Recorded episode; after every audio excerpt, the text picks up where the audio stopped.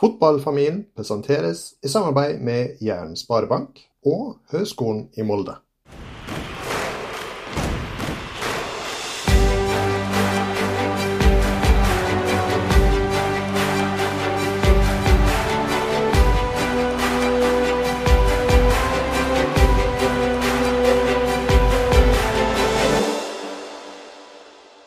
Velkommen til Fotballfamilien, en podkast for deg som er glad i fotball. Mitt navn er Anders Holfeld Gjerseth, og med meg som alltid Sander. Og i dag, Sander Så har vi en eh, spesial Ja, spesialepisode, vil jeg si. I dag er vi så heldige å ha med oss noe så unikt som eh, tre brødre. Og jeg tror ikke vi skal ha en så veldig lang intro, de skal få lov introdusere seg sjøl. Men velkommen til eh, Erik Kitolano, John Kitolano og Josh Kitolano. Tusen takk. Takk, takk, takk. Dette blir jo utfordring for meg, for nå skal jeg prøve å holde ordstyrer for fire stykk. Eh, det er ikke bare bare i, skal vi se. Men jeg, jeg, har lyst til å høre litt om uh, hver enkelt av dere, hvor dere er og, og, og, og så videre. Erik, jeg starter med deg, og det er ikke fordi at uh, Det er ikke noen annen grunn enn at uh, Eh, du var den som var mest i frontallappen vår siden du eh, spiller i Molde, og, og, Sander flytter snart til Molde, eh, og du spilte kamp på tirsdag. Hvordan er livet i Molde? Nei, livet i Molde er fint akkurat nå. Det er uh, mye kamper, og, og vi har uh, fin flyt med laget nå, så det trives her nå. Hvordan, du hadde jo en litt sånn uh, hva skal vi kalle det, litt trå start. Du sier litt om hvordan overgangen fra Tromsø og, og til Molde var? Nei, det var en, eh, var en eh, overgang som man skal si, som er sånn som jeg har tatt eh, i karrieren min, med å gå opp et nivå med tanke på lag og sånt. Og så har det starta litt sakte, som du sa. Med, fant ikke plassen min på laget. Og så, og så har det tatt litt lengre tid enn det jeg trodde.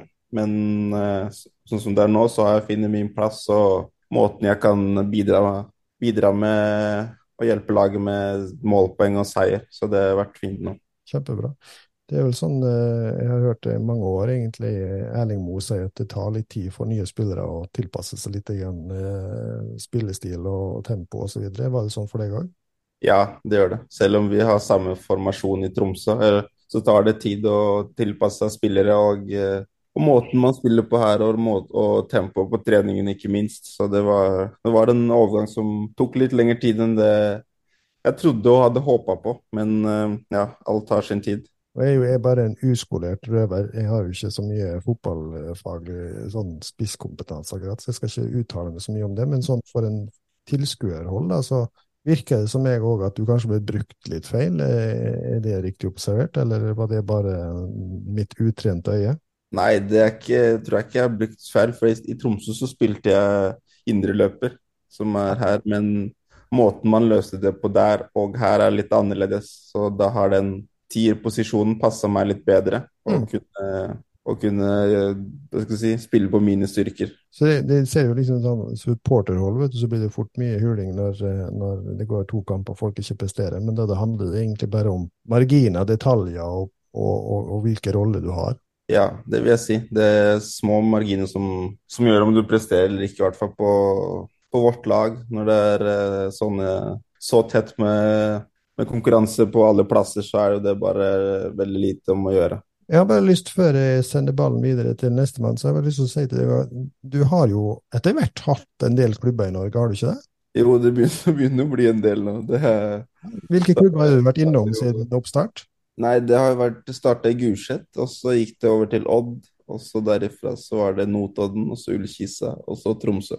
Eh, det var vel det første Ullkisa, tror jeg, at jeg virkelig liksom beit meg merke i det. Er det der på en måte liksom du følte karrieren skjøt litt fart, eller var det seinere eller tidligere, eller? Nei, jeg vil jo si i Notodden, der jeg fikk en uh, fikk spille A-lagsfotball, selv om det var i samme divisjon som jeg gjorde med Odd 2. Men ja. at jeg var på et A-lag, tror jeg var det som hjalp meg ganske mye. Og I Tromsø ble det jo virkelig en profil? Ja, det var, eh, det var en større klubb med, som, er, som, som, folk kjenner til, så der var jo det litt lettere. Og at eh, folk fikk eh, litt mer øye opp for hva jeg kan, og ja, litt hvem jeg er. Det er iallfall en spillertype helt etter mitt hjerte. Da skal vi på en måte få varme opp nestemann, eh, så ikke de fryser i boksen her. Eh, John, jeg går rett videre til deg, for du er neste med Molde-link. Bare liksom, Stemmer. ja, for jeg tenker det er en fin blå tråd. Hvordan er livet i Ålesund? Livet i Ålesund er ikke akkurat eh, veldig bra eh, nå. Vi sliter uh, i kampene våre. Vi får ikke med oss uh, marginer på vår side. og Vi har slitt litt med å få seier de siste kampene. Så det er ikke like bra her som uh, på andre sida av fjorden. Nei, det er nå eh, Jeg blir litt sånn todelt, for jeg er jo halvt sunnmøring, så jeg må liksom bare passe på hva jeg sier nå. Men det er jo sånn som moldensere egentlig ikke, da. Men, men det har jo kanskje òg vært litt stang ut, eller? Ja, det har vært eh, mye stang ut. Vi føler vi har eh, fått lite poeng i forhold til hvordan vi har spilt. Så jeg føler vi mangler det siste før eh, vi eventuelt er med i bikke tre poeng eller ett poeng. Så jeg ser eh, en liten fremgang etter vi fikk en ny trener, så jeg er meget fornøyd. Det går riktig retning, føler jeg. da. Selv om vi ikke har fått resultater, da, men du kan se relasjonene har begynt å bli bedre. Mm. Det begynte meg litt over til det jeg ville spørre deg om nå. Dere, du føler det at dere har fått en liten ny boost av Kristian Christian Johnsen som ny trener inn? Eh, Ja, vi fikk jo ganske fin eh, boost når han kom inn. Eh, Nytt regime, bytta formasjon til 4-3. Så det er jo ganske mange som også ville spille den formasjonen. Og du føler liksom litt mer frihet, og han eh, er ganske dyktig på banen. Og han krever ganske mye, da. Mm. han setter krav, og så det, det er ganske bra, han eh, Christian Johnsen. Ja, eh, sånn fra tida i Raufoss så har jeg et inntrykk av at han, han kjører knallhardt eh, treningsregime. Og så litt sånn eh, Er det doble økter? Ja, det er jo hvis ikke du har vært eh, vant til å trene to økter, så er det litt hardt. eh, Men for de som har gjort det tidligere, så er det ganske normalt. Men eh, ja, det er, det er en del mer løping nå enn kontra tidligere, så det er et step opp der. Men vi ser jo i kamper at vi holder ut litt mer enn de andre laga, og løper ganske mye mer. Så jeg vil si vi, har, vi kommer til å få betalt det her over lengre periode. Jeg vet jo du i likhet med Erik har har også hatt en del klubber i Norge etter hvert. Ja, det er ikke, det er ikke like mange som Erik, men uh, jeg har jo eh, Jeg starta jo uh, spille for Gullset som Erik, uh, og så gikk veien videre til Odd.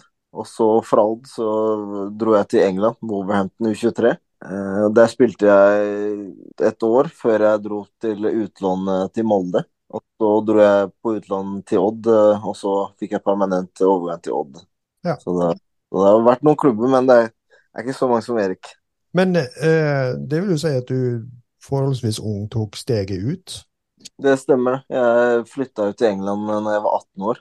Så det var ganske, det var ganske ungt, ja. Eh, Men jeg følte jeg var ganske voksen i alder, for jeg starta å trene med A-laget da jeg var 16 år. Så jeg følte liksom jeg er voksen ganske tidlig, da. Men eh, det blir jo på en måte litt sånn, eh, jeg vil tro et litt kultursjokk fra eh, Norge til England. Eh, jo, det var ganske sjokk for meg. Det var jo, jeg var jo vant til å trene altså én økt til tre økter preseason. Mm. Så det var ganske eh, veldig mye for meg. Eh, I starten det tok litt tid før jeg kom meg skikkelig inn i det. Og så hadde jeg noen skader som satte meg litt tilbake, men eh, det var I England så ser du at fotball betyr veldig mye. Og liksom A-lag, når du var rundt A-laget og så på kamper og hadde noen økter med A-laget, så ser du liksom OK, det her er nivået. Det, det her er liksom jeg kan se fram til. Det er noe jeg kan måle meg til, da. Jeg vil jo si at uh, fra tida di i Molde, så syns jeg jo gjerne kanskje at uh, du fikk uh, litt for få sjanser, kanskje. Handler det på en måte om tillit? Handler det om marginer? Handler det om skader? Hva handler det om? Nei, jeg følte jeg fikk tillit når Kristoffer Haugen var, var litt skada i starten av sesongen. Så fikk jeg ganske mange kamper. Mm. Og så følte jeg jeg tok det ganske bra. Eh, det var ikke noe eh, at jeg ikke klarte det, men eh, det var jo selvfølgelig at jeg var litt yngre enn Kristoffer. Mm. Og da, når jeg er Molde, så er det liksom Du skal ha seriegull eller komme topp to, da. Mm. Så det er, da ser de litt mer på de som er erfaren. og Da fikk jeg mindre eh, spilletid når han kom tilbake. Og jeg, I den alderen jeg var i, så følte jeg trengte spilletid hver eneste helg. og Hvis jeg kunne få det et annet sted, så var det bedre å gå ut etter utviklingen og bare være i troppen og ha to bra venstrebacker. da. Angrer du nå når broren din kom oppover? Nei, jeg angrer ikke. Det er, det er, det veldig vanskelig. Jeg skulle gjerne ønske det å spille med han. Jeg prøvde jo å snakke til han og få han til Molde når jeg var der, så, så nei. Det, en dag så får vi spille sammen Mm. igjen. Det tipper jeg òg. Eh, OK, så eh, livet i Ålesund under Kristian Johnsen er brutalt, men på full fart oppover. Eh, et, siste spørsmål før vi slipper til eh, sistemann i fryseboksen. Eh, hvordan er egentlig litt sånn, hvis du tenker tilbake på Molde og Erling Moe, da, som er det nærmeste vi kommer nå siden Erik spiller der. Hvordan er treningsregimet, fotballfilosofi? Er det stor forskjell mellom de to, i Ålesund og Molde? Ja, det, det er det. Det er, det er mer eh, Hva skal vi si? Molde har jo ganske mye ball. De, de spiller mange lag lave, og de har utrolig mange gode spillere, enkelte, som kan utgjøre ganske mye. Så treningsregimet er annerledes. Det er, eh, det er, mer fokus på hva skal jeg si, løping her da, kontra i Molde. Selv om det var løping i Molde, men det var mer ballbesittende lag i Molde enn eh, Ålesund. OK, takk så langt. Eh, da må vi slippe til Josh. Eh, jeg, jeg, vet ikke helt om jeg skal si at du har kommet lengst eh, sånn i forhold til at du spiller gjerne i en uh, litt større liga enn den norske. eh, men du har jo hatt en ganske uh, bra kurve på karrieren de siste årene, må jeg si? Ja, den har vært grei. Den har vært ganske grei. Nei, jeg må jo si det var et knall U21-EM òg, var ikke det? ja, det var greit. Det var greit. Jeg husker det at uh, han som sitter på siden av meg her, han var litt uh, sur pga. at det var en uh, viss Molde-spiller, Sivert Mannsson. Men, uh, ja. men jeg syns jo du presterte til å stille han, iallfall. Ja, men skal jeg være helt ærlig, så syns jeg ikke han gjorde en så dårlig jobb uh, til å bli bytta etter pausen, hvis du spør meg, da. så jeg ble jo litt sjokkert sjæl, skal jeg være helt ærlig. men ja, det ble som det ble. Leverte jo virkelig. Jeg vet ikke. Det er litt eh, hva skal jeg si, hard eh, når det kommer til prestasjoner. Så, men eh, jeg, jeg syns ikke jeg leverte veldig veldig bra, men jeg, jeg, prøvde å kose meg, skal jeg være helt ærlig. Det var fokuset imot mot turneringa, i og med at jeg ikke var med til å begynne med jeg, jeg, kjenner ikke så godt til, i og med at du føyk ut til Nederland. og jeg må innrømme, Så mye følger jeg ikke med på nederlandsk fotball at jeg har full oversikt over det. Men litt av grunnen til at jeg var opptatt av Sivert Mannsverk, er jo det ledertyper og, og, folk som tør å stikke seg fram. Eh, nå virker jo du som en litt beskjeden type når du påstår at du hadde et eh, ikke supert mesterskap. Eh, er du litt av den beskjedne typen? Ja, utafor, ja. Eh, men eh, på banen så er jeg, jeg er ikke der tar jeg plass. Der vil jeg ta plass òg. Uh, eh, I og med at jeg, jeg har den spillestilen jeg har, uh, så er det ganske naturlig for meg, vil jeg si. Men hvordan vil du beskrive da livet i Sparta Rotterdam? Det er jo nydelig. en kul by? Nydelig. nydelig. Det er en veldig kul by. Uh, mye å gjøre. ja, så har jeg fått et par kompiser det, på laget, og jeg nyter virkelig livet. ass. Nå hadde du en god sesong i Nederland, og det har jo vært litt uh, rykter på deg, og blant annet at uh, treneren uh, har gått videre til Ajax. Det, blir du værende? jeg vil si jeg vil bli, bli værende, ja. Jeg føler at for å ta det neste steget, så må jeg ta litt mer plass i, i laget og ligaen enn det jeg gjorde i fjor.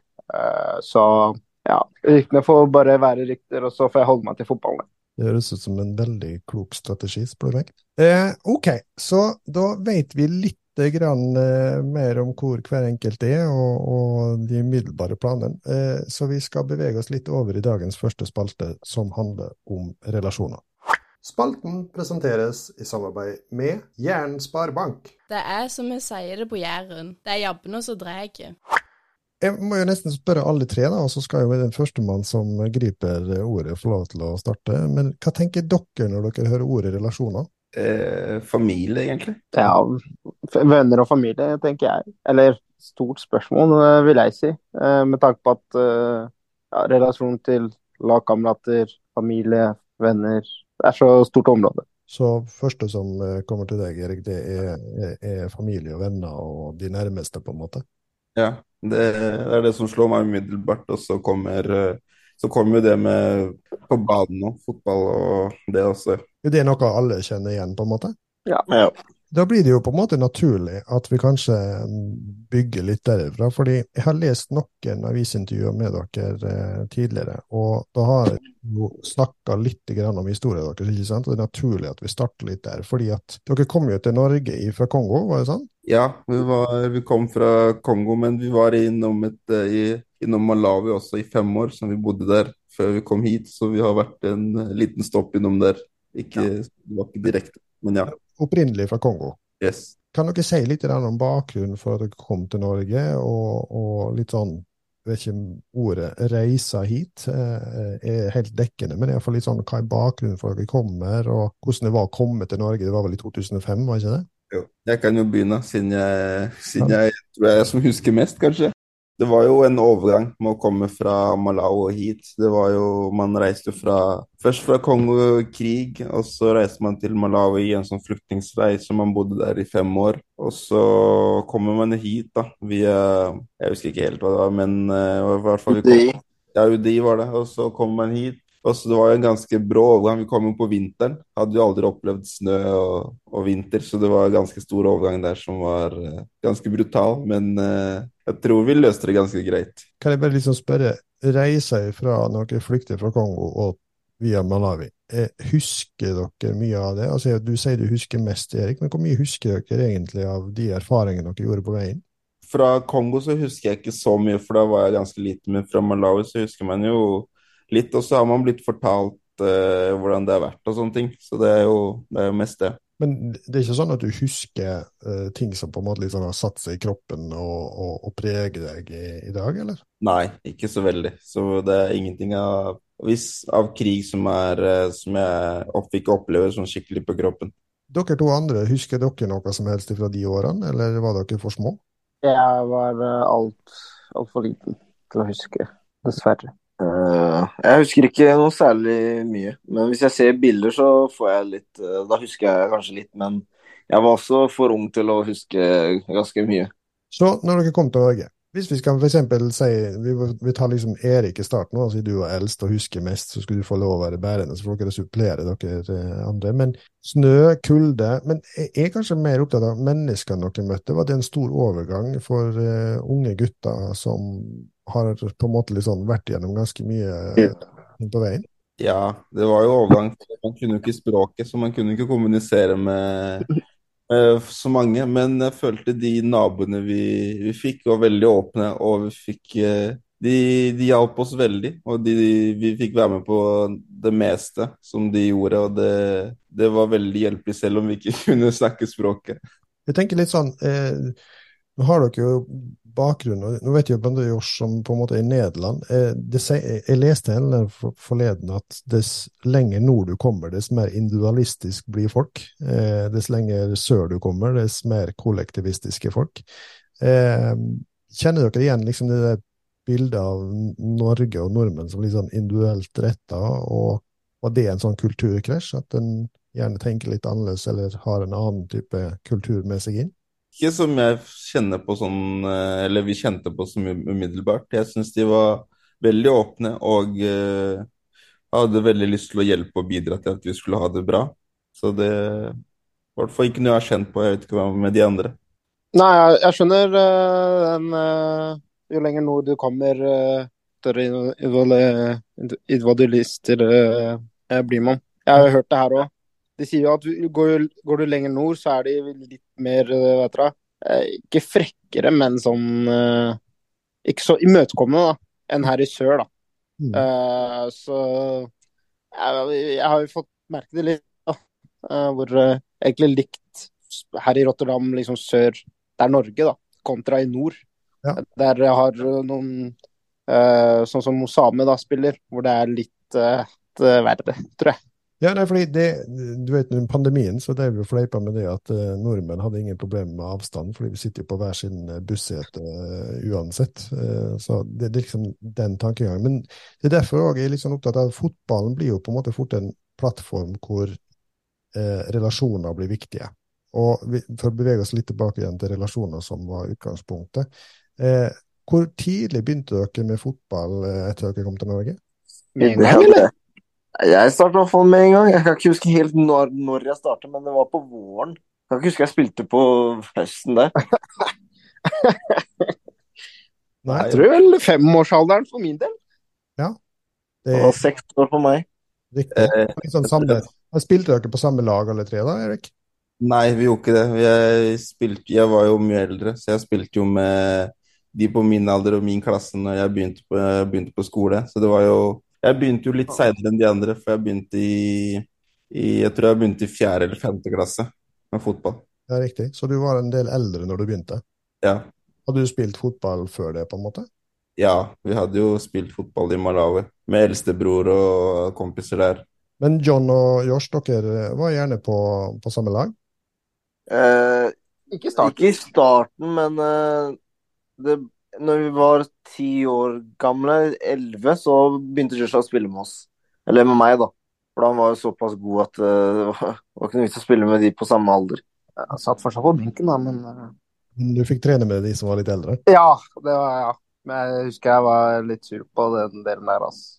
Men var fotballen på en måte en sånn type plass hvor dere fikk eh, en slags tilhørighet og hva skal vi kalle det, da? status eller eh, friplass, jeg vet ikke hva jeg skal kalle det. Eh, var det en på en måte sånn god plattform å starte i når det kommer til et nytt land? Ja, jeg vil jo si all, Vi begynte jo med litt sånn forskjellige idretter, og vi prøvde jo ganske mange.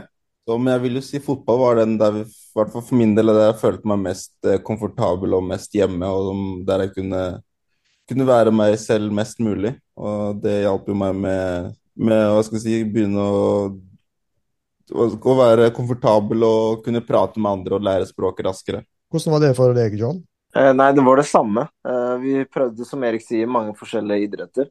Eh, prøvde jo håndball og litt og datt, men fotball følte jeg liksom Det var der jeg følte jeg kunne være en del av gutta.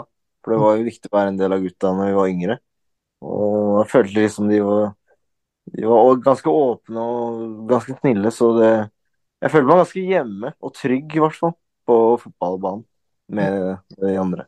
Eh, Josh, eh, hvem vil du si har vært dine viktigste relasjoner, og er dine viktigste relasjoner når det kommer til eh, livet, fotballen, eh, utvikling, grunnlag for å prestere? Ah, det er, det er tøff, ass. For jeg, jeg føler det er, det er så mange som har bidratt så mye.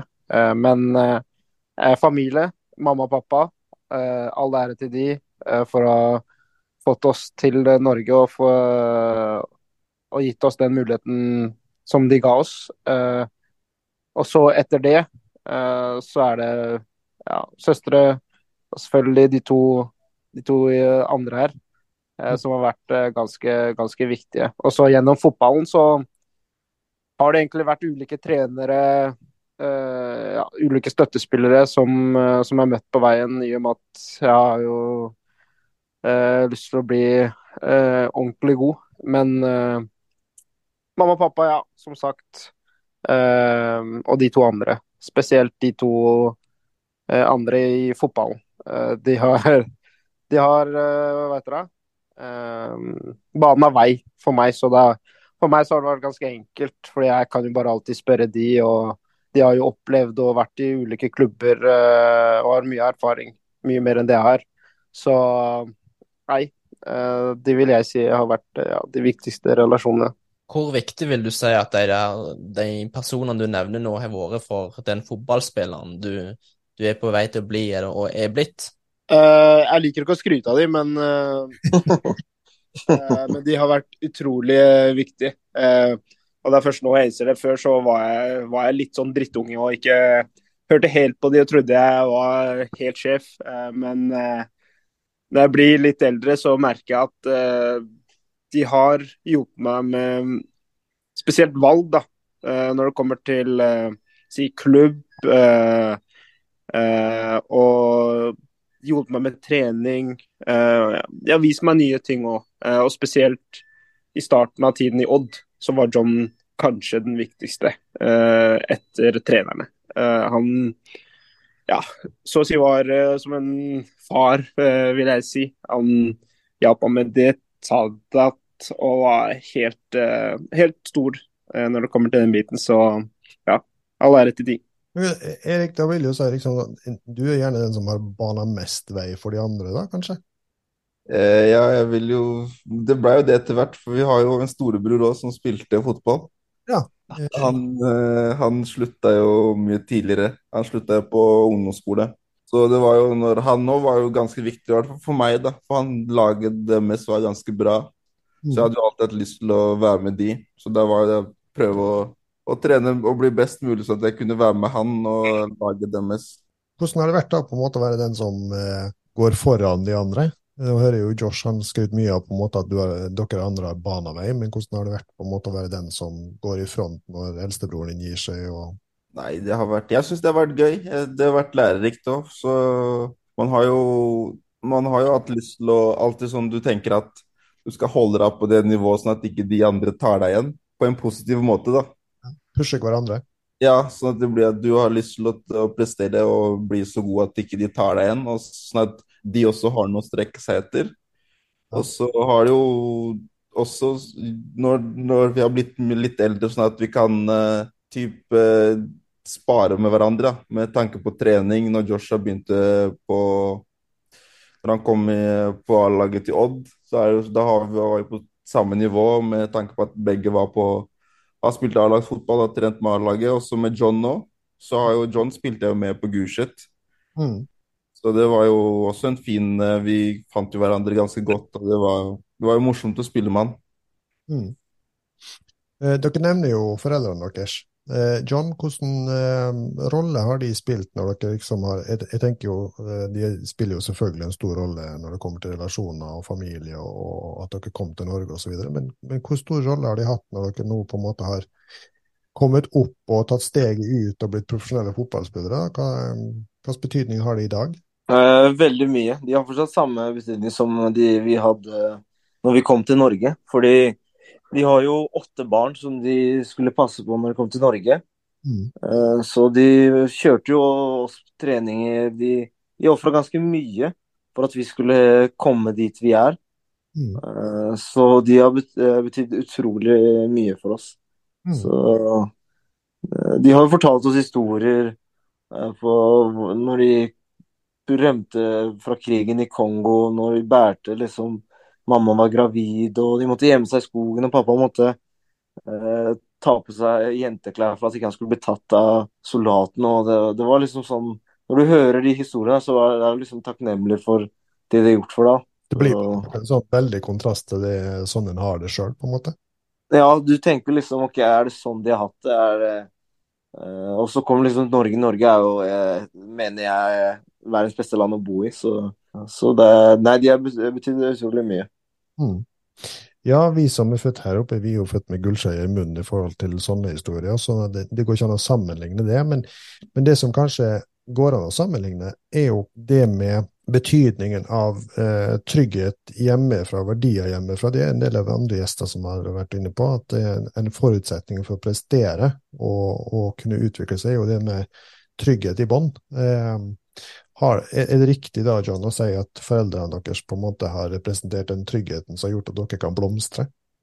Ja, det vil jeg si. Vi har veldig stor respekt til foreldrene våre. De sier alltid ha respekt for eldre, eller ha respekt for folk, så vil du få respekt du også.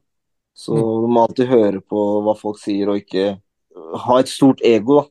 Og det har vi lært eh, når vi var yngre, så det har hjulpet oss ganske mye gjennom fotballkarrieren. Gjennom hvis du har en dårlig trener, eller at du liksom tenker at du gjør ditt, da, så ser han deg hvis du gjør det ganske bra. At du liksom ikke begynner å krangle med treneren og kommer i konflikter, da. Mm.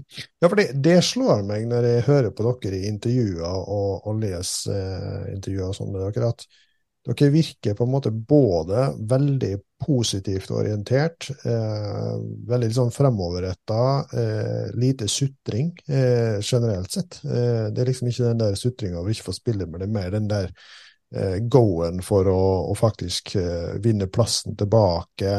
Skjønner dere hva jeg mener? At det virker som dere har noen liksom trygt forankre verdier i bånn. Stemmer det, Erik?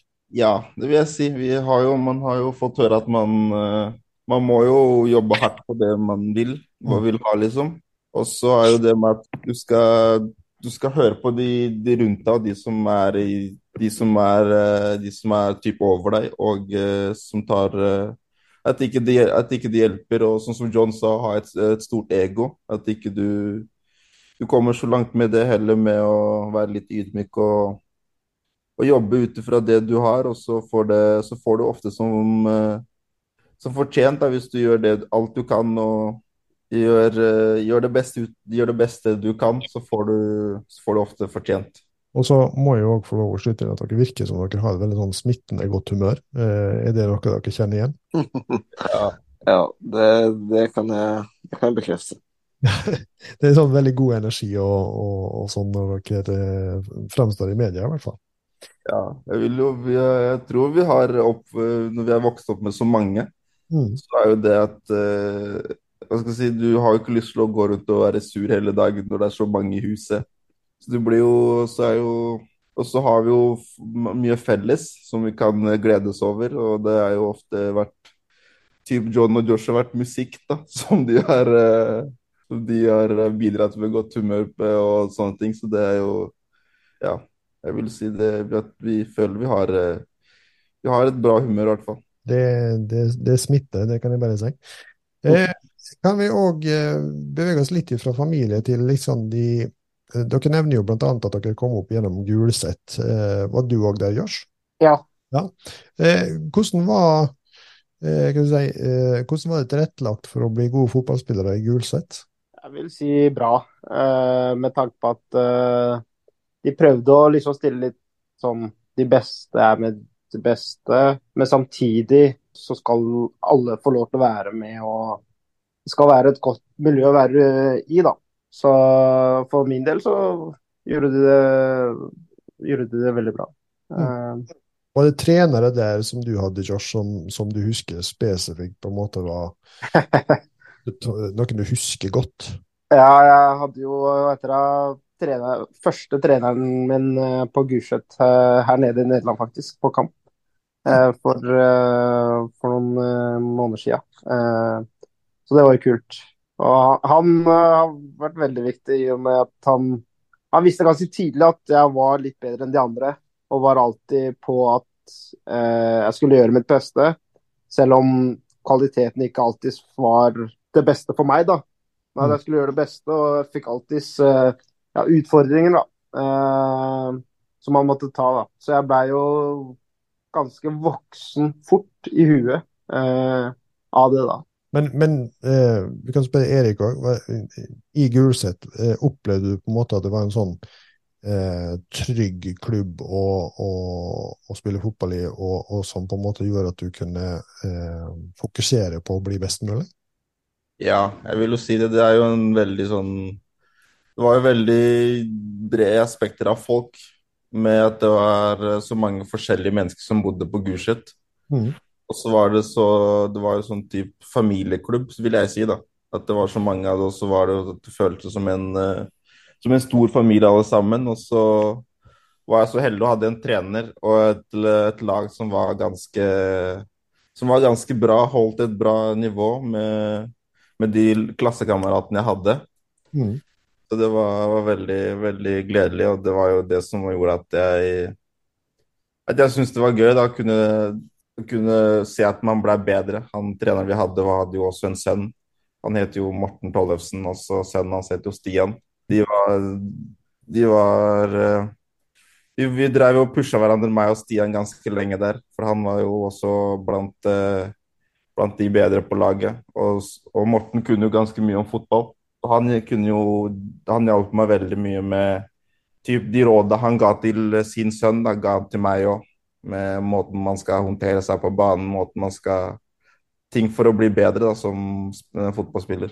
Jeg ville tenke det er rett og slett litt sånn ansvarsforskrivelse, hvis jeg ikke stiller dere spørsmål også knytta til at vi har hatt Vi har heldigvis ikke de samme tilstandene som en del i andre ligaer, men, men fortsatt så er det jo uheldige episoder, blant annet til det med rasisme. Eh, Er det noe som noe dere har fått kjenne på kroppen kanskje allerede fra tidlig av, eller har dere vært ganske forskåna for det her i Norge? Jeg kan spørre f.eks. John først. Det var jo, Jeg hadde jo en episode når jeg spilte for Odd. Det her var en stund siden, da. Men uh, da var det liksom uh, Spilte borte andrediv uh, for Odd mot Bryne. Så hører jeg liksom eh, Vi gjorde ganske bra kamp. De var sure fordi vi kom med et ungt lag og vi var ganske gode bedre. Eh, og så hører jeg liksom apekatta på tribunen, og jeg reagerer jo ikke liksom jeg tenker ok, hørte du det, linjedommer? Og så sier jeg nei, jeg hørte ikke det. Eh, Og da kjente jeg liksom eh, på at, eh, at hvordan folk kunne gjøre det her, da. Mm. Vi spiller jo som andredivisjon. Jeg er jo hva skal jeg si, 17-18 år, da. Mm. Og uh, jeg har jo, hadde jo denne opplevelsen med Dønnum også, den Vålerenga. Eh, etter jeg takla han, så fikk jeg meldinger uh, på Instagram etter at uh, jeg var et svin. og Det var liksom stygge kommentarer, da. Erik, har du hatt noen sånn type erfaringer? Nei, jeg har ikke Heldigvis så har jeg ikke hatt det. Og det kan jo være med at jeg har ikke typ leita etter det heller. Det var ikke sånn at man har lagt merke til noe spesielt. Men jeg har eh, heldigvis ikke opplevd sånn deg, sånn som John har eh, gjort, og det er litt, eh, litt heldigere der. Josh, du har jo tatt Det har jo for så vidt John òg vært, men, men du har jo tatt steget ut i en litt sånn større liga. Og vi vet jo nede i Europa så kan det være ganske, ganske stygge episoder til tider. Har du merka noe mer av det når du flytta til Nederland, eller er det òg en ganske bra plass å spille fotball? Ja, hittil så har jeg vært uh, skåna for det, men eh, jeg vet at eh, det har vært noen episoder her. Det var en episode litt, eh, for litt siden med han Brobry fra Ajax, eh, eh, hvor, han ble, eh, hvor det ble sagt noen stygge ting. Men eh, jeg har vært heldig, heldig hittil, vil jeg si. Fordi det, det er ikke tilfeldig at jeg tar opp akkurat dette når det kommer til relasjoner. ikke sant? Fordi er, Vi har jo kalt, eh, kalt podkasten vår Fotballfamilien, og det er jo blant annet fordi vi er far og sønn. så det, det, det falt litt sånn helt naturlig. Men så er det jo noe vi snakker jo om fotballfamilien når vi snakker om fotballen generelt sett. Og så er det noe når ting går bra og du får en god status, ikke sant? så kan jo det jo slå begge veier, men da, da blir du oftere akseptert. Men så ser vi vel en tendens til at fotballen blir litt sånn infisert av de samme holdningene og, og utviklinga sånn som samfunnet generelt sett er. Eh, opplever dere i løpet av de årene dere har spilt, at det har blitt verre og en mer sånn, hva skal vi kalle det, eh, giftigere tribunekultur, eller, eh, eller eh, at sosiale medier blir på en måte en sånn yngleplass for eh, rasisme, eller er det ganske likt sånn som det var når dere starta? Eh, Jeg vil jo si tribune så har jeg ikke merka så mye, men jeg vil jo si på sosiale medier at eh, folk, eh, det er lettere for folk å skrive ting og, og gjemme seg bak en skjerm. Da. Så det er gjort lettere for de å kunne, kunne si, ytre sine meninger og, gjøre, og skrive ting litt, litt, litt lettere enn det det er kanskje på en stadion, der det er lyd og det er der det kan være konsekvenser. Så, men på stadion i Norge så har ikke jeg opplevd noe, noe enda. Men uh, ja. Jeg er veldig glad for å høre. Eh, John, har du merka noe endring? Ja, det er jo mer tydeligere nå da, enn enn tidligere. For tilgang til internett var ikke så lett før, Mm. kontra nå. For nå er jo de fleste har jo liksom iPhone. De kan lage seg bare en bruker med hva som helst navn, og så kan de bare skrive hva de vil. da, så Mm. jeg føler det er mye lettere og mer tydeligere nå da, Mm. eh, kontra før. da. Ja.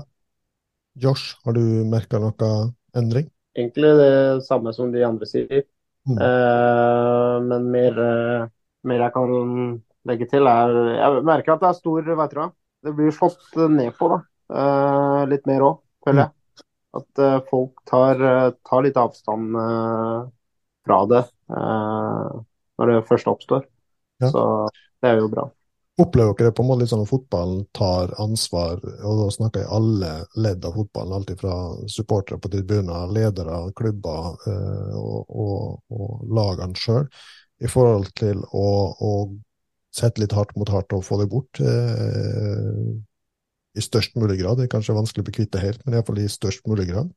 Ja, jeg vil jo si at klubber eh, prøver så godt de kan, og så er det så, så det er så vanskelig å Som du sier, det er ikke så Du får ikke fjerne alt sammen med en gang, men jeg syns klubbene klubbene prøver, og så ligaen også prøver å legge godt til rette at de, at de blir fjerna. Jeg tror det blir lettere med på de tribun, på tribuner og fjerne det med tanke på at det er kameraer og du har mikrofoner som du fanger ganske mye. Skal ha et spørsmål til når det kommer til relasjoner. Det handler litt mer om det som skjer ute på banen. Fordi at nå har jo dere eh, spilt for ulike klubber og under ulike trenere og gjerne med litt sånn ulike filosofier. Men ofte så hører jo på en måte spesielt kommentatorer si, eller trenere si at eh, relasjonene i laget stemte eller stemte ikke. ikke sant? Men, men hvis vi skal på en måte prøve å forstå hva, hvor, hvor viktig er det med relasjoner ute på banen. da. Eh, jeg kan spørre f.eks. deg, Josh. Har du gjort deg noen tanker om det?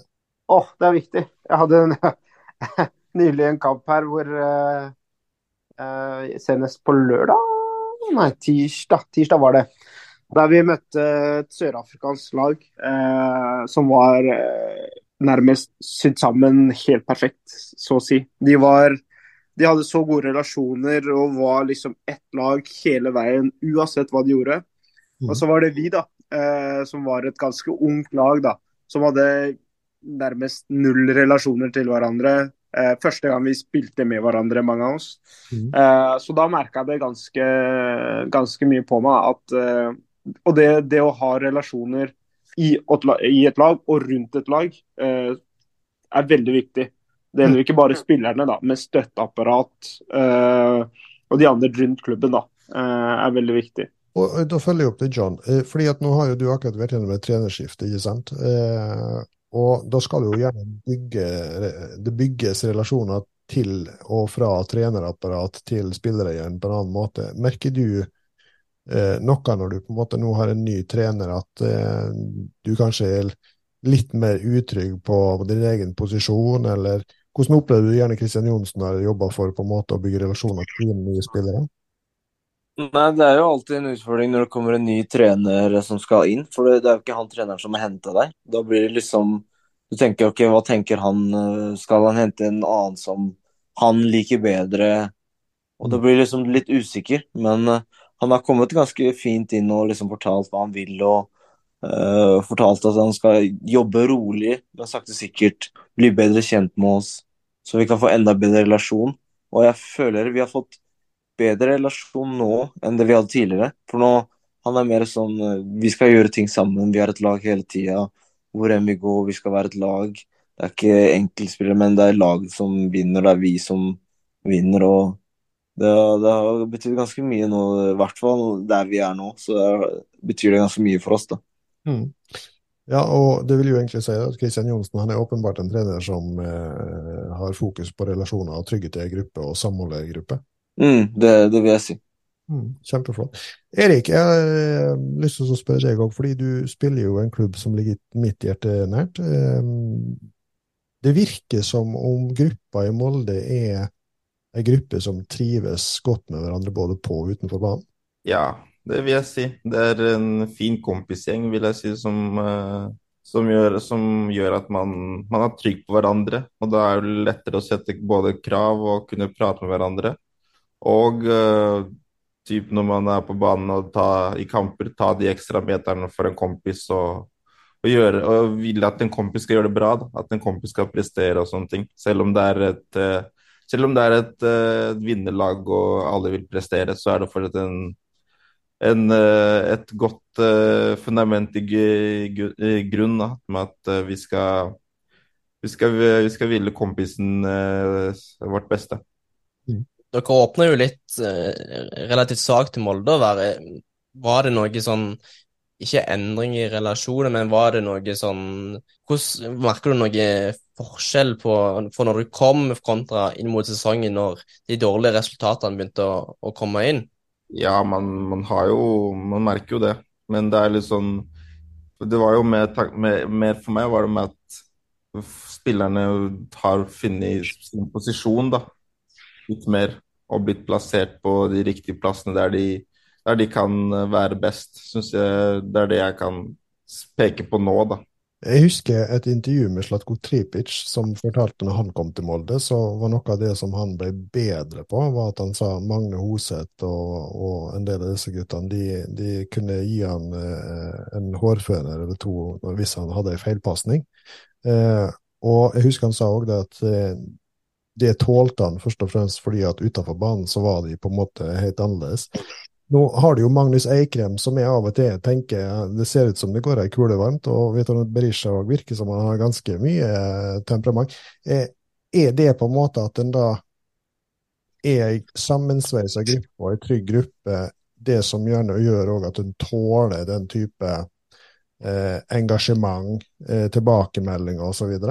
Ja, jeg vil jo si det, men det er sånn, det er jo alle er jo forskjellige grupper. Det er jo også folk som ikke tåler å få så mye kjeft på banen, selv om man, selv om man kjenner hverandre ganske godt utafor og man vet at folk er annerledes. Det er litt sånn, Den relasjonen med å kjenne og vite hvordan folk er, da, og hva en person trenger, det har veldig mye å si. Og så, er sånn, så vet vi at når, hvis man hører fra, fra en på laget, så er det jo fordi han vet at du kan bedre eller vil at laget skal prestere best mulig. Det er jo ikke noe det er ingenting personlig når man er på en fotballbane. så det er jo sånn du, Man er en annen spiller, spiller, nei, en annen person typ på banen enn det man er utafor. Det tror jeg de fleste er. Kjempeflott. Eh, vi skal begynne å bevege oss eh, litt over i neste spalte, som vi i dag har kalt motivasjon og mentalitet. Spalten presenteres i samarbeid med Høgskolen i Molde. Først av alt så har jeg lyst til å bare plukke opp tråden og si at vi skulle hilse fra Louise, som jeg sa i sted, eh, og si at dere har gitt henne noen grå hår opp gjennom tida. Eh, kan jeg bare spørre, hva slags eh, hvor, dere, altså, hvor, kjenner dere Louise holdt ifra, og, og, hva var det som gjorde at hun tenkte hun ga dere grå hår, tror dere? Nei, hun, alle har jo gått på toppidrett, og hun var jo lærer der. Så det er jo der vi har blitt kjent med henne. Hun betrakta dere jo som veldig veldig sa, gode gutter, var ikke hun sa, og, og, veldig glad for at dere har lykkes alle sammen. Eh, hva lærte dere av henne av det med mentalitet og mental styrke og mental trening? Eh, ja, det var jo mer at du må, var jo at du måtte, du måtte ofte uh, vite hva du ville, om hva du skulle ha fokus på. Det har hun sagt ganske mye. om sånn at uh, du må kunne sette deg noen mål for treninger, du må kunne sette deg noen mål for en sesong og liksom i perioder. Og mm. så prøve å jobbe med at du skiller mellom uh, når du er på kamp og på trening, at, uh, at ikke det skal, det skal bli for mye. Eh, Josh, du spiller jo i Nederland. Hvor mye fokus er det på det med, med mental trening og, og, den type ting der? Mm, for oss har vi ikke hatt så mye fokus på det, egentlig. Uh, men uh, i Odd så hadde vi litt mer fokus på det. Ja. Uh, og jeg, som de to andre, har jo også gått på toppidrett, så jeg var jo innom kontorene til Louise et par ganger, jeg òg, gjennom åra. Ja. Hva, hva jeg spørre liksom sånn, Var det sånn at du gikk inn og oppsøkte henne sjøl, eller var det sånn at dere hadde faste avtaler, eller? Ja, Eh, begge deler, egentlig. Eh, vi begynte å få et godt forhold, eh, tror jeg var når jeg var Jeg begynte å spille som fast i Odd. For jeg merka at jeg sleit litt med det å takle spesielt det å bli bytta ut, da. Mm. husker jeg. Da var jeg 17. 17 eller 18. Så ble jeg bytta ut i pause, og så var det som om verden falt sammen, liksom. Eh, og da oppsøkte jeg henne, og så eh, Så kunne hun hjelpe meg med det, og det å generelt bli bedre. Du ser jo eh, verdens beste spillere jobber jo med det her. Eh, så det er jo ikke fremmed at eh, har du lyst til å bli god, så må du, må du jobbe med den mentale delen av oss. John, er det noen mentaltrener som er knytta til Ålesund? Eh, bruker dere noen mentaltrener i den eh, sumpen dere og motgangen dere har stått i, på en måte, eller er det lite fokus på det? Nei, vi har ikke en uh, felles uh, mentaltrener. Jeg bruker jo Lys, jeg òg. Uh, det er jo en jeg er ganske trygg på, som kjenner meg ganske godt. Og vi kan jo liksom snakke om hva som helst. Og hun hun veit når hun skal liksom uh, trå til da, på meg, og jeg veit jo liksom at hun bare vil det beste for meg. Mm. Så Nei, vi har ikke noe særlig mentaltrener her oppe. Så du har rett og slett gått til det steget at du har holdt kontakten og, og bruker henne aktivt sånn for din egen del? Jo, det har jeg gjort uh, gjennom egentlig de åra jeg dro fra toppidrett til uh, her jeg er nå. Jeg har alltid vært i kontakt med hun. Hun har hjulpet meg ganske mye og liksom eh, Før så tenkte jeg liksom ikke så mye på det mentale. Det var liksom OK, bare gå ut og spille fotball. Men når du begynte å komme til et visst level, eh, der liksom fans og alt er liksom forventninger og alt det greiene der, og da blir det ganske mye når du er ganske ung, da. Mm. Og når jeg begynte å snakke med Louise, da, da ble det mye bedre. Ja, klarer du på en måte liksom å være enda mer konkret i hva du ser blir ditt utbytte, i forhold til f.eks. om du ikke hadde brukt henne? Nei, det er jo erfaringer jeg har hatt, liksom Jeg hadde jo en episode i U20-VM da, der jeg skåret selvmål, og det er jo ikke noe jeg mener jeg sk- skåret selvmål liksom med vilje, men det var liksom jeg følte liksom verden gikk imot meg. Jeg var ganske Jeg var skada i Fikk hamstringskade tre ganger. Jeg kom liksom aldri tilbake der jeg var, da. Mm. Og da sleit jeg liksom OK, da Jeg må prøve å finne hvorfor, eller hva som gjorde at jeg var ganske god da jeg var yngre, og da går jeg gjennom med Louise. Mm. OK. Erik, eh, er det mentaltrener i Molde nå, eller eh, har dere eh, også litt sånn at dere har deres personlige mentale trenere? Eh, det er ikke noen som er på lag som, som er i klubben. Nei. Så det, det, hvis noen spillere trenger det, så jeg, tror jeg de har uh, fiksa det på egen hånd. Ja. Har du på en måte noen du jobber med? Nei, ikke noen sånn jeg jobber med fast. Jeg, ja, det er ikke noe spesielt. Jeg jobber med de to andre, John og Josh. Mm. OK. Ja, men, men, men ser du på en måte det at det kan være eh, en nytteverdi for deg på et eller annet tidspunkt for å få disse her siste marginene ut eh, for å bli best mulig, eller tenker du på en måte at det er mer noe du tar hvis motgangen skulle komme og du har behov for det? Jo, det er jo folk Altså, jeg mener så at sånn Du skal Hvis det er det som, som kommer til et tidspunkt der jeg føler jeg må sette, hva skal jeg si, ha en for å bli enda bedre, så tror jeg jeg kommer til å, kommer til å oppsøke det. For det er jo For man vil jo bli best mulig, men akkurat nå så, så føler jeg at ikke man At ikke jeg føler Jeg vil ikke si ikke trenger det, men jeg, har, jeg klarer meg eh, greit. Så da er det altså John som bruker Louise. Eh, Bruker du Ja, Louise? Jeg, jeg bruker Louise, jeg òg. Ja. Er det litt sånn at, For du bor jo i Nederland, er det litt sånn at dere da gjør det via eh, Zoom eller Skype, eller ja, ja. Det går i det meste på det. funker det bra? Ja, eh, det vil jeg si. Uh, det var mye i starten uh, når jeg kom ned hit, fordi det Jeg fikk en litt sånn, hva heter det, kultursjokk uh, når det kommer til stadion og supportere. Så jeg, jeg brukte mye rett etter vi møtte Feynard borte på The Cape. Da fikk jeg ja, mer eller mindre kalddusj, da. Men er det litt sånn at du blir sånn grepet av en form for prestasjonsangst, eller hva, handler det om? Ja, øh, fordi jeg er jo ikke så Jeg var ikke vant med så stor øh, hva heter det, publikumsmengde. Eh, Jeg hadde jo aldri spilt for 50 000. Mm. Så det, det var liksom Jeg merka det på kroppen, da, at jeg blei feig, dårligere valg, og bare prestasjonen sank. Jeg ble liksom Jeg var ikke helt meg sjæl, da. Uh, Og da sa jeg at det her må jeg gjøre noe med. Fordi det er jo dit jeg vil. Uh, Så, så jeg tok, uh, tok tak i det og sendte unna melding med, med en gang. Så jobba vi med det et par uker. Men kan jeg, for jeg er jo veldig nysgjerrig på det her, for det er jo liksom litt beslekta med mitt eget uh, yrke. Eh, hvordan jobber en litt sånn konkret for å snu det som på en måte da blir frykt i en prestasjonssituasjon, til at det blir mer noe som du angriper og, og eier på en måte?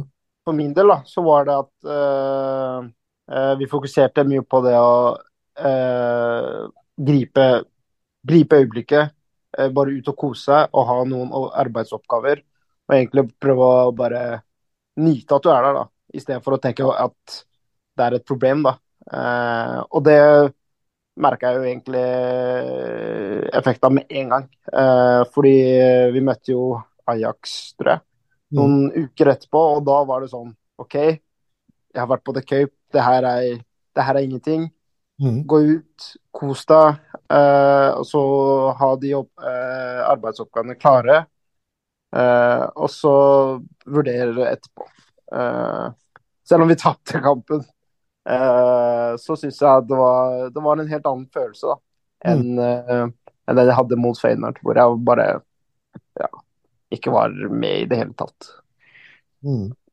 Så med andre ord, på en måte litt sånn med hjelp av forholdsvis enkle teknikker, og, og på en måte gjennom det å få en annens perspektiv og en annens innspill, så klarer du å snu det som egentlig binder deg til noe som du kan angripe og eie på en annen måte. Mm, Det er kult, da. det er det. det er det. Og jeg tenker liksom, Det sier jo noe om på en måte, fordi vi bruker jo alltid fleipe med det, at eh, hodet er jo faktisk en del av kroppen. Eh, og det er veldig mye fokus på alle de andre muskelgruppene, ikke sant? men det må jo faktisk av og til trene hjernen òg. Eh, jeg har lyst til å tilbake egentlig til både John og Erik nå.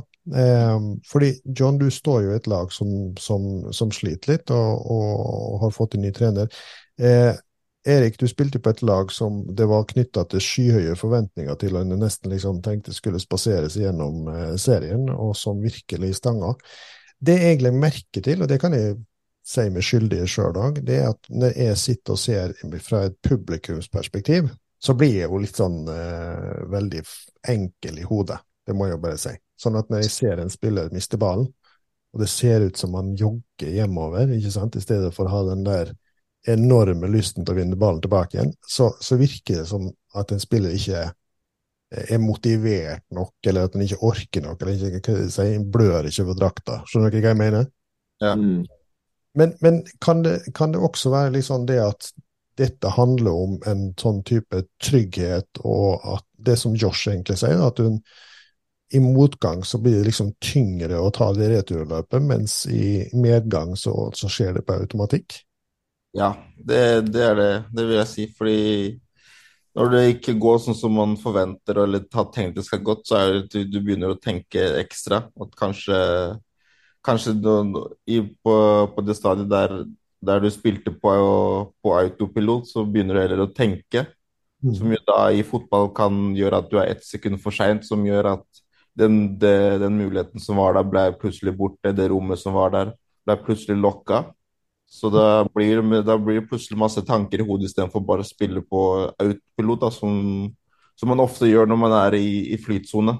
Ja, og, og da tenker jeg jo litt sånn at jeg husker jeg snakket med, med Ørjan Nygaard, som eh, er trener i Glimt eh, sitt team, eh, og der de er veldig opptatt av det med roller i laget. ikke sant? Og han sa jo det at dess bedre kjent du blir med en rolle og, og relasjoner i et lag, dess fortere kan du på en måte repetere den samme handlingen. Du bruker mindre tid med ballen, og du vet på automatikk hvor den skal. Er det litt sånn det samme som du tenker på nå, Erik, at når du er i flyt, så, så skjer de på automatikk, men med en gang det stanger, så begynner du å tenke, og da kladder det litt? Ja, det, det er ganske riktig. Så det er jo sånn Når du vet din typ, din rolle, og du vet sånn Når jeg får ballen her, så har jeg en medspiller som tar en sånn og sånn bevegelse. Mm. Så er det noe man som, som man trener på på, på trening, da, mens i kamp så går det litt mer på automatikk, for du har et motspill som du må forholde deg til òg. Mm. Mens sånn Ja, så det vil du si I medgang så går det litt lettere, for da ting skjer litt av seg selv, da. Mm. Men, men hvordan angriper f.eks. Erling Moe og, og hans team hvordan angriper en da for å snu en sånn tendens, hvis en på en måte ikke direkte jobber med mentale, sånn som Josh sier han gjorde med Louise? Nei, han eh, Erling gikk jo med på at Eller han sa jo mer at han har jo trua på gruppa, det er derfor han, eh, han er her, og han henta de spillerne han har. Og at han eh, At, at vi må bare Vi må bare hva skal si, ha trua på oss selv, at vi er såpass gode som vi er, og at vi kan, eh, at vi kan snu det her sammen. Og så, og så hadde vi noen tydeligere knagger å henge og, og arbeidsoppgaver som vi kunne, som vi kunne jobbe ut ifra. Og det hjalp jo litt, da. Med at, eh, folk vet hva, hva man skal gjøre, og vi har Og sånne ting. Ja, det er gjerne et umulig spørsmål å svare på, kanskje, og det, du skal slippe å svare hvis du ikke har lyst, men, men tror du at en kunne ha snudd den tendensen raskere om en hadde tilgang, f.eks. på en sånn type mentaltrener som Louise eller uh, Bjørn Mannsverk, eller hvem andre som driver med det?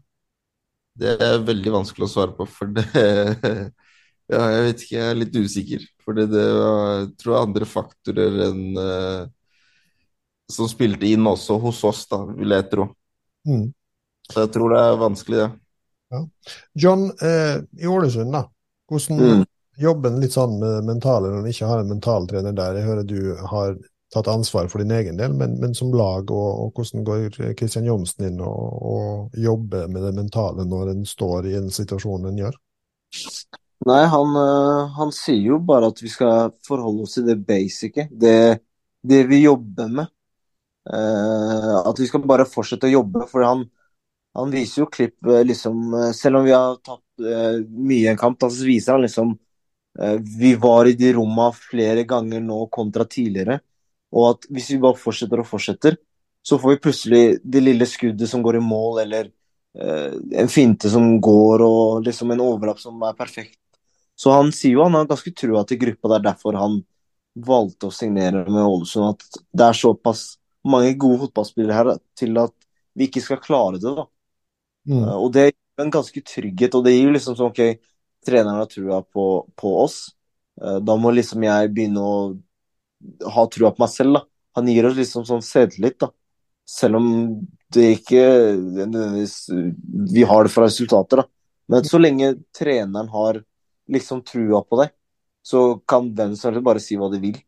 Mm. For det er treneren som tar ut laget til syvende og sist. Eh, og så har jeg lyst til å spørre òg, eh, hvis de tenker på dere tre, da, og jeg antar jo at dere er- har regelmessig kontakt med hverandre og oppdatert på hverandres prestasjoner og resultater osv., eh, bruker dere hverandre mye i forhold til det med det mentale, når den ene eh, gjerne er inne i en sånn tung fase med sitt klubblag, eller tung fase for seg sjøl? Eh, er det sånn at dere eh, bruker hverandre for å bygge hverandre opp? Mm, ja, vi snakker med hverandre. Vi har en eh, Snapchat-gruppe med alle oss fire brødre. Er Mm. det eldstebroren deres, eller? Ja, Patrick. Han er eldste, han spiller ikke fotball. Han, er, han er med i samtalen, og han pleier ofte liksom å ringe og spørre liksom hvordan det går. og gjør jo jeg ser Erik og de òg, men det, vi er liksom, de tekster ganske mye mer, da. Mm. Og da snakker vi med hverandre og liksom sier at hvis dere bare tilbake, så For han veit jo at jeg er liksom såpass god at hvis jeg bare fortsetter, så kommer det av seg selv. da. Også i forhold til det med det siste, jeg skal ikke nå det bare om mental trening, men, men det siste jeg liksom ble opptatt av da, det er jo eh, Tror dere For alle har jo beskrevet litt sånn at dere har hatt perioder i karrieren deres hvor det har vært litt motgang og lett å komme liksom i en sånn negativ eh, sirkel. Eh, hva tenker dere liksom er deres styrker i forhold til det å, å møte og håndtere motgang? Jeg er ganske dårlig, har jeg merka. Jeg, kan- jeg har en tendens til å grave meg veldig ned, i og med at jeg har, eh, jeg har jo et, som noen kan si, et sykt mål da, med fotballen. eh, Hvor jeg har satt meg mål om å bli, på et eller annet tidspunkt i karrieren min, å bli topp 20 i verden eh, og spille Champions League. Mm. Og da blir jeg, som Louise kaller det, en sånn usunn perfeksjonist. Eh, hvor jeg kan gnåle på alt. da. Selv om jeg gjør ting bra, da, så er jeg ikke helt fornøyd eh, før det er liksom helt perfekt. da. Og kanskje enda lenger enn det. Eh, så spesielt motgang, så er det jo Ja, da går det Da lokker jeg meg ganske inn, da. Og blir sånn Alt er galt, og jeg må rette opp i alt, og ja. Mm. Selv om jeg kanskje ikke gjorde en så dårlig jobb, da. Så Så det er mer på en måte liksom når du har høye mål og høye ambisjoner, så blir det òg noe som av og til kanskje blir eh, ens verste fiende. Ja, eh, for jeg må jo leve opp til det når jeg først setter meg de målene. eh, og da det er, jo, det er jo ganske høye mål, så standarden må jo i tillegg være høy. Så, så det å klare å ha en god, eh, god hva, skal jeg si, selvregulering, da, som jeg har jobba mye med med Louise, Mm. eh, er ganske viktig, da. Eh, der du innimellom kan tåle å skryte litt av deg sjæl og se om igjen på ting og ja, få kanskje andres perspektiv på det òg. Det, det hjelper en del. Når det går litt sånn i motgang, eh, John og Erik, altså, tenker dere noe sånn at dere skal være en god bror, eller noe sånn for, for Joshua, da, eller? Ja, Ja. man skal jo, man støtter jo også Og så er det sånn man eh, så Det er jo det som er viktig med det som har vært greit med oss, at vi har føler vi har funnet fin, fin eh, flyt på når man skal gi tilbakemeldinger når man bare skal være og støtte, liksom, som at ikke man gir noen fotballrelatert tilbakemelding og bare kan, kan prate om andre ting og Joshua, da, når du får sånn type trøst fra, fra brødrene dine, er det sånn noe som eh, hjelper på noen måte, eller er det sånn som du bare Det kommer inn og går rett ut igjen, eller? Nei, eh, i og med at de òg spiller fotball på et høyt nivå, eh, og, så tar jeg det ganske til meg. Jeg har såpass stor respekt for begge to at, eh, at jeg tar det ganske inn til meg og hører eh, som oftest på dem. Eh, eh, selv når eh, noen ganger jeg ikke vil. Eh, så, så ja, det hjelper meg ganske mye der. Der òg, egentlig. Så jeg føler jo sånn sjøl, hvis det er en foreldretrener som, eh, som jeg, eh, jeg trener sjøl, og hvis det er en foreldretrener som sier 'bra jobba, du gjør en god jobb', så er det jo ikke sånn Jeg føler ikke helt det samme, så de er litt, nesten litt plikta til å si det. Mens når det er fagmenn som sier 'bra jobba', så kanskje jeg tar det litt mer til meg. Ja. Det være andre vei. Altså hvis du ser på for eksempel foreldrene dine, da. Hvis du sammen, eller venner, eller hva det skulle være, opp mot brødrene dine, er det noe forskjell der, liksom? Ja. ja. Eh, jeg har eh, tidlig, eh, så jeg tror det er ubevisst, så har jeg bare lagd meg en sånn sirkel av folk som jeg hører på når, det kommer, når det gjelder tilbakemeldinger. Og folk jeg bare ja, nesten bare lukker ørene mine for. Eh, og de to er jo i den kategorien, da. eh, sammen med eh, spesielt trener og andre, andre folk.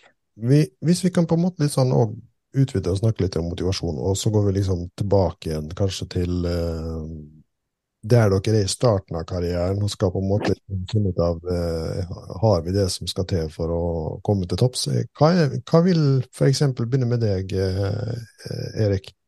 Hva er på en måte vært driven din? Hva har vært, en, vært drivkrafta bak det å, å, å satse på fotball og, og komme så langt som du kan? da? Nei, det, det har jo vært at man har syntes det har vært gøy, da. Det vil jeg si først og fremst. At det er gøy også at man har sett på TV Champions League og an, alle, alle de andre som, eh, som spiller på toppnivå, syns det har vært gøy å, å komme dit og bli så god og så sjekke, si, sjekke hvordan det er å spille, spille fotball på så høyt nivå. Da. Det er det som har vært eh, drivkraften min, at jeg har lyst til å teste hvor god jeg kan bli. og når jeg har fått muligheten, så har jeg bare tenkt hvorfor ikke, hvorfor ikke bare satse fullt da? Hvordan er det med deg, John? Ja, det er jo familien min, da, og de to brødrene mine. Og liksom eh, Har jo vært og liksom eh, Det er jo å bli en av de beste katolanene, da. Pushe hverandre? Ja, så det har jo vært det egentlig som har vært mest Det er familien, egentlig. Josh, da? Nei, eh, som John sier, da. Eh, For min del eh, så pusher vi, pusher vi hverandre. Jeg, blir, jeg, jeg er ganske dårlig taper. Eh, Så når Erik driver og scorer eh, før det har gått ett minutt, så Da får jeg litt sånn eh, Nå må jeg jo prestere. Jeg kan ikke liksom la det ligge. For det første, da får jeg høre det. For det andre så så får han all skryten og all eh, hva skal jeg si, kjærligheten fra familien. Og det, hos meg så faller ikke det helt, helt i ro.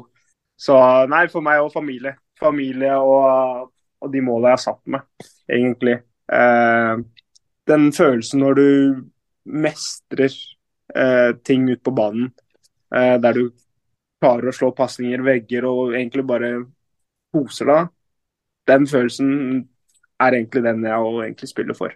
Sammen med det å kunne eh, gi familien noe å være stolt over. Eh, Jeg husker for sånn to Jeg lurer på om det var for to sesonger siden at eh, det var Odd mot Tromsø, og så du, Joshua, skårte en, en veldig fin eh, perle av en skåring. Hvordan er det for deg, Erik, å, å se broren din skåre eh, ja, generelt da, mot, mot ditt eget lag? Nei, det var der og da så var det tungt. Fordi det var uh, For det var Det var en kamp jeg hadde lyst til å vinne. Det var første gang jeg kom tilbake fra Skagerrak eller til Skagerrak og skulle spille en eliteseriekamp på, på stadion der. Så det var en kamp jeg hadde veldig lyst til å vinne. Men så når, når han skåra, altså etter kampen så tenkte man siden han skåra så sjeldent, så går det greit. Da hører jeg på en måte det at det er noen litt sånn fellesnevner. At dere sier at eh, dere spiller fordi fotballen er gøy. Eh, det er liksom den drivkraften å bli så god som en kan bli. Det å bli den beste kitolanoen, og det er liksom det å pushe hverandre fram til å bli så god som en kan bli både for sin egen del og familien sin del. Men nå snakket vi litt i forhold Jeg lurer på om det var du, John, som sa det med Norge, beste land å bo i osv. Men, men hvordan opplever dere det med hvordan var utviklingsmulighetene eller tilrettelegginga for utvikling for dere i barnefotball, ungdomsfotball osv.? Var det mest det organiserte, eller var det litt sånn at dere spilte sammen og, og, og hadde mye egentrening, litt sånn løkkefotballaktig eh, internt i familien? Eh, nei, det var jo ganske mye å dra på banen på sommeren. Være der fra morgen til kveld til du blir liksom ringt at du må komme deg hjem. Ballbingen med kompiser. Du ville liksom ikke tape for kompiser, og det var der det starta, liksom. Du vil liksom Du vil ikke høre at kompis skal liksom si at han slår deg, da. Og det var ganske mye Vi dro på banen sammen, trente hverandre og det var bare Det var så mye fotball da, på Gullset at mm. uh, det ble bare en sånn drivkraft. Du, bare, var, du gjorde det for det var gøy, og du var, var, med kompiser, liksom. Føler dere på en måte at det kan bli uh, i ungdom, eller barne- og ungdomsfotball, at det kan bli for mye organisering og for lite av den der flyten i dag? Har dere noen tanker om det?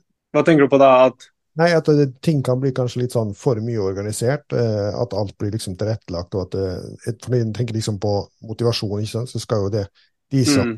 gir best, og det jeg hører dere snakke om, er jo at det er, den ytre motivasjonen er bare å bli den beste kitolanoen, men den indre drivkraften er det som Louise snakket om. Hun sier at du må være en slags dedikert utøver til å bli den beste utøveren du kan bli. Så Og det må jo komme innenfra som en sånn sult som du alltid har i deg. Jeg hører jo Josh i hvert fall har satt seg noen hårete ytre mål, men, men, det er jo den der eh, driven etter å bli best. Så tenker jeg at det, det, er litt å kvele den, kanskje, hvis du organiserer alt i hjel, fordi da, da, da, blir liksom alt tilrettelagt. Føler, har dere noen tanker om det, om vi kanskje av og til tilrettelegger for mye for unge spillere? Ja, kanskje litt, men jeg syns det Men det, det jo, kommer jo litt mer sånn at det er, jo, det er jo en veldig fin balanse der der du kan begynne å toppe og litt sånn, litt sånn bredde. Jeg syns det er mer der at man må finne en fin balanse der, eh, der du beholder flest mulig, og så får man heller begynne å toppe når, den, når tida er perfekt, eller sånn tida er inne for det. Så jeg syns det, det, er vanskelig å svare på. Men det er sånn, hvis du har en, du har en, eh, typ, en motivasjon, en indre drev, som Louis kalte det, så tror jeg, det, så tror jeg ikke så mye organisering eh, er med på å stoppe at du blir så god, men at det, at det kan jo være med på å hjelpe også. For da får du alltid, alltid, tre, alltid noen å trene med, og så kan du legge på egne treninger oppå det, da. Jeg har lyst til å spørre litt sånn i forhold til det med Hva er deres erfaringer i forhold til Hva er det som tapper mest energi i fotball? Mm, returløp. Det er jo den uh, at du skal prestere hver eneste helg, da. Den derre eh, forventningene til eh, fans. De som ikke er eh, De som ikke er med på trening hver dag. De som ikke liksom Hva skal jeg si, jeg liker å si sofaelskere. Det er jo de som eh, Det er jo der det tappes mest, men Skuffe folk, tror jeg, er tappes Tapper eh, en for energi. Fordi ja. du har jo gjerne lyst til å få folk til å bli stolt over deg. og laget eh, og det du driver med. Eh, så når, eh, når, du skuffer ja, si, trenere, supportere, deg sjæl, så mm. tror jeg det kan så tror jeg det tapper deg for, eh, for veldig mye energi. Altså. Det gir jo på en måte en slags ekko av det du sa i sted, i forhold til at når du setter høye mål og, og, og du blir litt sånn grepet av, av øyeblikket, så er det jo lett å på en måte tenke hvem er det jeg, eh, hvem er det jeg skuffer nå, hvis du slår en feil pasning eller skårer et selvmål, mens hvis du har den mer den motsatte offensive innstillingen, så det er mer tenker liksom det neste øyeblikket, gjerne. Mm. Ja, det, det merka jeg jo det, den episoden der. Så var det sånn Når jeg slo en feilpasning, så var det sånn Så merka jeg at jeg var sånn Nå skuffer jeg treneren. Mm. Nå, nå skuffer jeg han, liksom, for han har, nå har han gitt meg tillit til å spille mot dette laget. Han mener at jeg er en av de som eh, han kan stole på. Så skuffer jeg han, og det, det, var, det var ekkelt. Det var veldig ekkelt. Eh, så det var, var egentlig deilig å egentlig klare å ja, gjenkjenne det nå, da. Eh, og klare liksom å tenke og reflektere over det, eh, den følelsen. Tenk hvordan det har vært for deg, John. Ja, det er jo sette de måla jeg har satt, da. Eh, Det å ville liksom eh, ganske mye og mer enn eh, det du viser, da. Mm. Det har jo tatt ganske mye energi å liksom skuffe deg selv, da, egentlig, først og fremst. Fordi du veit innerst inne at du er såpass god, og så når du gjør ting som du vet du kan, da det tapper liksom krefter for meg. da. Hvordan var det for dere når du gikk fra Tromsø til Molde? Ble det gjerne et litt sånn større medietrykk og, og, og forventningspress og krav eh, til prestasjoner? Merker du en forskjell i forhold til din sult, din motivasjon? Er det litt sånn lett at du, når du møter motgang, da, at du binder det litt mer og skal si, skal ikke si at du er i ferd med å gi opp, men, men merker du at det gjør noe med deg? Eh, det gjør jo selvfølgelig litt, men det er sånn Jeg har jo jeg, var jo, jeg har jo vært litt sånn i det samme situasjonen som jeg var i Molde litt tidligere også. Det var litt lettere nå å håndtere det. Mm. Samtidig så har, har man lyst til å spille, så det var litt sånn prøve å finne en fin balanse der man, man kan tenke at man, eh, man hold, prøver å holde et høyt treningsnivå, samtidig som eh, man, eh, man vil, eh, vil hjelpe laget, da. Det var det som var mest, eh, mest sånn eh, vanskelig for meg, eller vanskeligst for meg, da, at man ikke fikk vist hva man kunne, når eh, man følte man kunne hjelpe laget. Mm. Riktig. Så hvis jeg da har forstått alle tre brødre Kitolano riktig, så sier dere det at eh, indre drive og pushe hverandre, det har vært en viktig faktor for at dere alle tre har lyktes og, og er så på plass i fotballkarrieren som det er nå, at det fortsatt er et potensial for å vokse videre. Ja, det vil jeg si. Eh, Jeg tenker vi, vi begynner etter hvert å gå litt inn for landing. Eh, Jeg har jo lyst til å spørre litt sånn om eh, planene videre nå. var Josh holdt tett inntil brystet og sa han skulle være der han var. Eh, Jeg regner med Erik òg er veldig på plass. Hvordan er det med deg, John? Eh, Er du godt satt? Hvor lang kontrakt har du i Ålesund? Jeg har ut denne sesongen her og to til, så to og et halvt og alle tre er på en måte litt sånn innstilt på å være der de er akkurat nå? Ja, jeg er meget fornøyd der jeg er. Jeg tenker jo først og fremst at jeg får spille ganske mye og får den erfaringen jeg trenger og masse kamper, så jeg er meget fornøyd der jeg er. Kjempebra. Eh, Erik, da? Hva er målet for resten av sesongen? Målet for denne sesongen er uh, spille mest mulig, og så også et gruppespill i Europa. Champions League er riktig. har trua? Ja, det er selvfølgelig det. Man må jo ha det. det. Jeg har veldig lyst til å høre Champions League på Aker stadion. Det hadde vært, eh, det hadde vært helt nydelig. Ja, jeg kan jo skryte av og si at det er den eneste av de som er på luften nå, som faktisk har før, tror jeg. Eh, I hvert fall litt sånn eh, i gruppespill. Det var en mildt sagt stor og skjellsettende opplevelse for en som har vokst opp der oppe. Ja. Så det håper jeg at alle får oppleve en gang til. Eh, Josh, hva er liksom målet for Sparta Rotterdam for sesongen? Eh, Jeg har ikke vært så mye med laget nå. Vært med i to uker. Eh, Så jeg vet ikke helt hva de tenker, skal jeg være helt ærlig. Eh, Men eh, vi, vi var jo så nære gøy, vet dere, eh, kvalifisering til Europa at, eh, i fjor at jeg håper og tror at det å ja, være the best of the rest, da, som de sier her, eh, burde være et mål eh, for denne sesongen.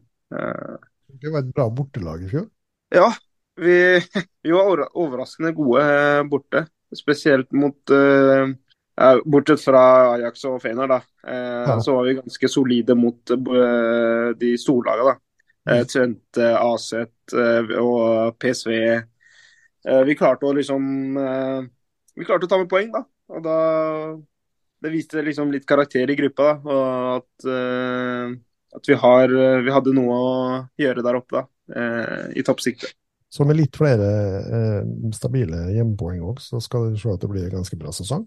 Eh, jeg tenker, jeg kom på én ting som jeg har lyst til å spørre om før vi begynner å gå helt inn for landing. Er det noe ut ifra det vi har snakka om i dag, ikke sant? er det noe kompetanse dere savner i fotballmaskineriet, som en gjerne skulle tenke hva, hva kunne en hatt mer av? Eh, mer fokus på? Tenker du på enkeltspillere eller lag? Enkeltspillere, lag, begge deler. Eh, jeg kan spørre John først. Nei, det er jo det metallet, da. Du skulle det var mer fokus på det? Ja, litt mer. Eh, At eh, det er, det er ikke sikkert alle trenger den hjelpen, da, men at uh, det skal være mer tilgjengelig, da. Mer til For det er ikke alltid folk som lett å liksom si at de trenger hjelp, da. Nei, og spesielt kanskje for uh, mennene òg, som eh, generelt sett er jo ikke så flinke til å altså, eh, si ifra når en sliter med noe som er emosjonelt eller mentalt. Mm, stemmer.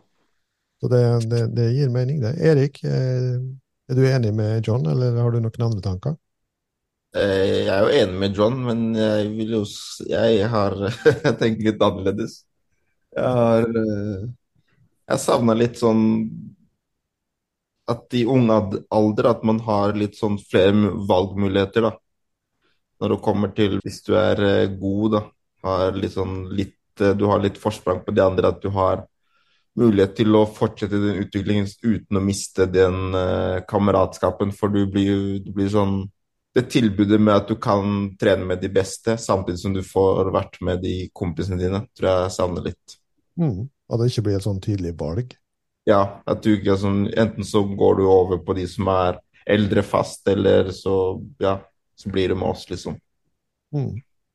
Det, skal, det tenker jeg det er viktig å spille inn på han som skal begynne å utdanne seg her. Ja, nei, Jeg er helt enig med deg, jeg tror òg det. Jeg tror det, det er viktig med en både-og-holdning, og ikke en enten-eller-holdning. Ja. Eh, Josh, har du noen tanker om hva du savner? litt mer fokus på eh, det å ha det gøy, egentlig. Jeg merker at eh, merker fort her, da, hvor konkurransen er litt større, publikum eh, er det litt flere av, at man glemmer litt sånn eh, at når du mestrer det, så har du det gøy.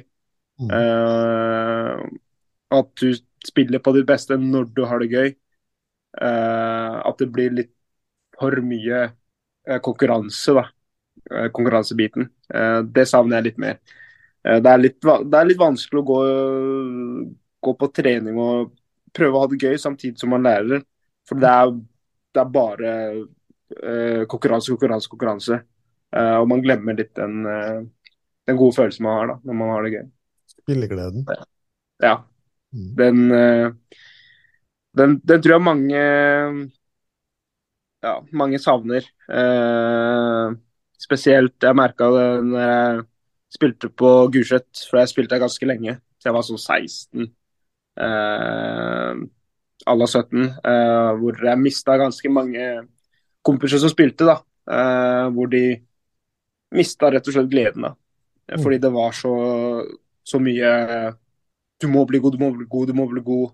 Eh, du må trene mye, du må trene mye. Eh, Istedenfor den eh, balansen da, eh, som jeg heldigvis hadde, hvor jeg trente med de beste, som Erik sa i stad, samtidig som jeg spilte med kompisene. Eh, og det har Når jeg ser tilbake nå, så var det gull verdt. Mm. Hvis du skal se litt sånn så jeg som er guttetrener i sikkert den relevante alderen, hva, hva slags tips vil du gitt meg da? Du må stille, du må stille krav. Konkurranse er viktig, men å ha det gøy tror jeg det er så viktig. Eh, spesielt for de unge.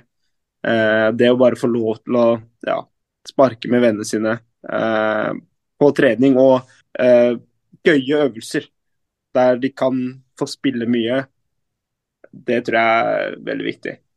Egentlig så er det jo ikke så stor forskjell på, på det du sier inn mot yngre spillere. Egentlig, egentlig Erik sier er suksessformularen i Molde. da, At er du en gjeng som kan trives med hverandre og pushe hverandre og stille krav til hverandre eh, både på og utenfor banen, så, så er det lettere å ha den spillegleden og, og, og, humøret på plass, som er på en måte ofte det som er en del av de marginene som gjør at eh, et lag presterer.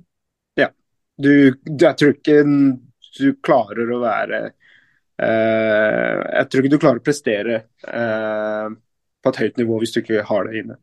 Uansett hvem du er og hvilket lag du er. Mm. Jeg syns det egentlig var ganske bra ord til å begynne som sagt, uh, runde litt ned på. Jeg har et par sånne standardspørsmål. helt til slutt. Hvordan har det vært å være med oss i Dere har jo vært med en del plasser og snakka med en del medium. Hva, hvordan har det vært å være med oss i denne poden med disse temaene? Kan spørre Erik først. Nei, jeg syns det har vært uh, fint. Jeg syns vi har vært innom uh, fine temaer og vært det gøy. Det er, det er, jo ikke vi, eller jeg, da, Jeg er ikke så veldig glad i media, egentlig.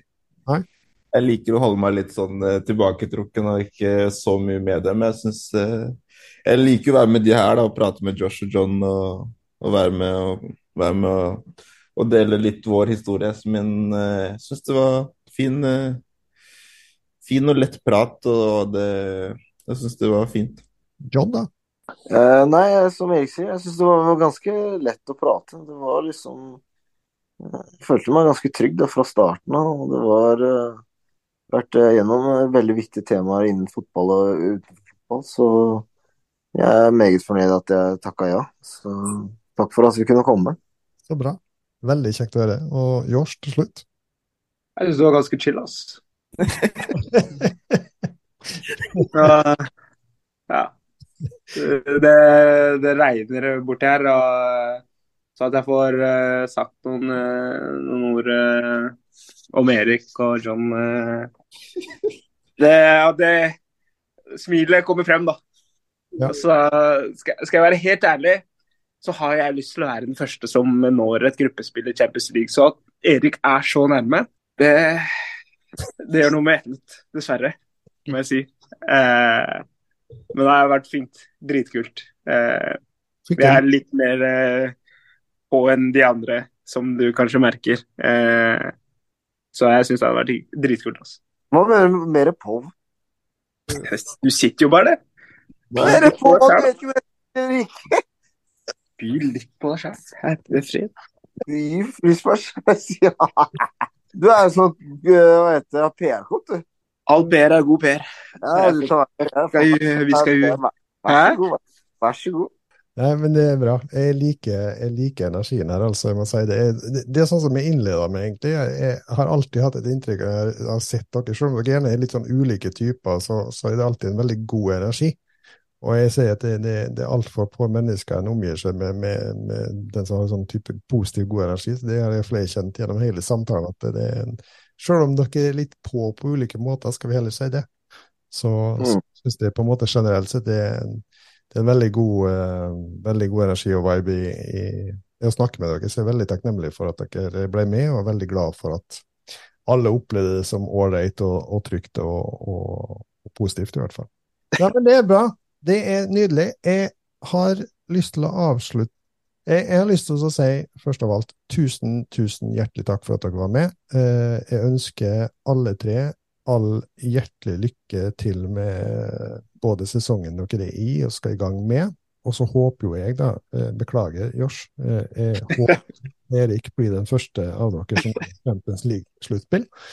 Eh, det er rett og slett bare av mine egne sympatier.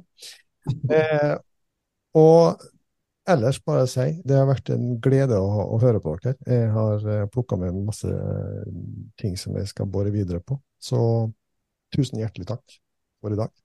Tusen takk for at du fikk komme, og så takk for at uh, Sander, for at du gadd å ta kontakt med Iver og, og sånne ting. Så og du får takke han litt ekstra òg.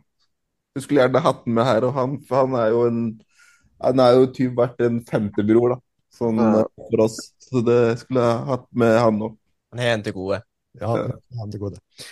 Supert, gutta. Tusen, eh, tusen hjertelig takk for i dag. Eh, Sander, du skal si noen Paul-ord til våre lyttere på tampen, Ja, det blir som alltid å følge dere på sosiale medier. og that's it? Ja. Supert. Da sier vi takk for i dag, eh, og på gjenhør.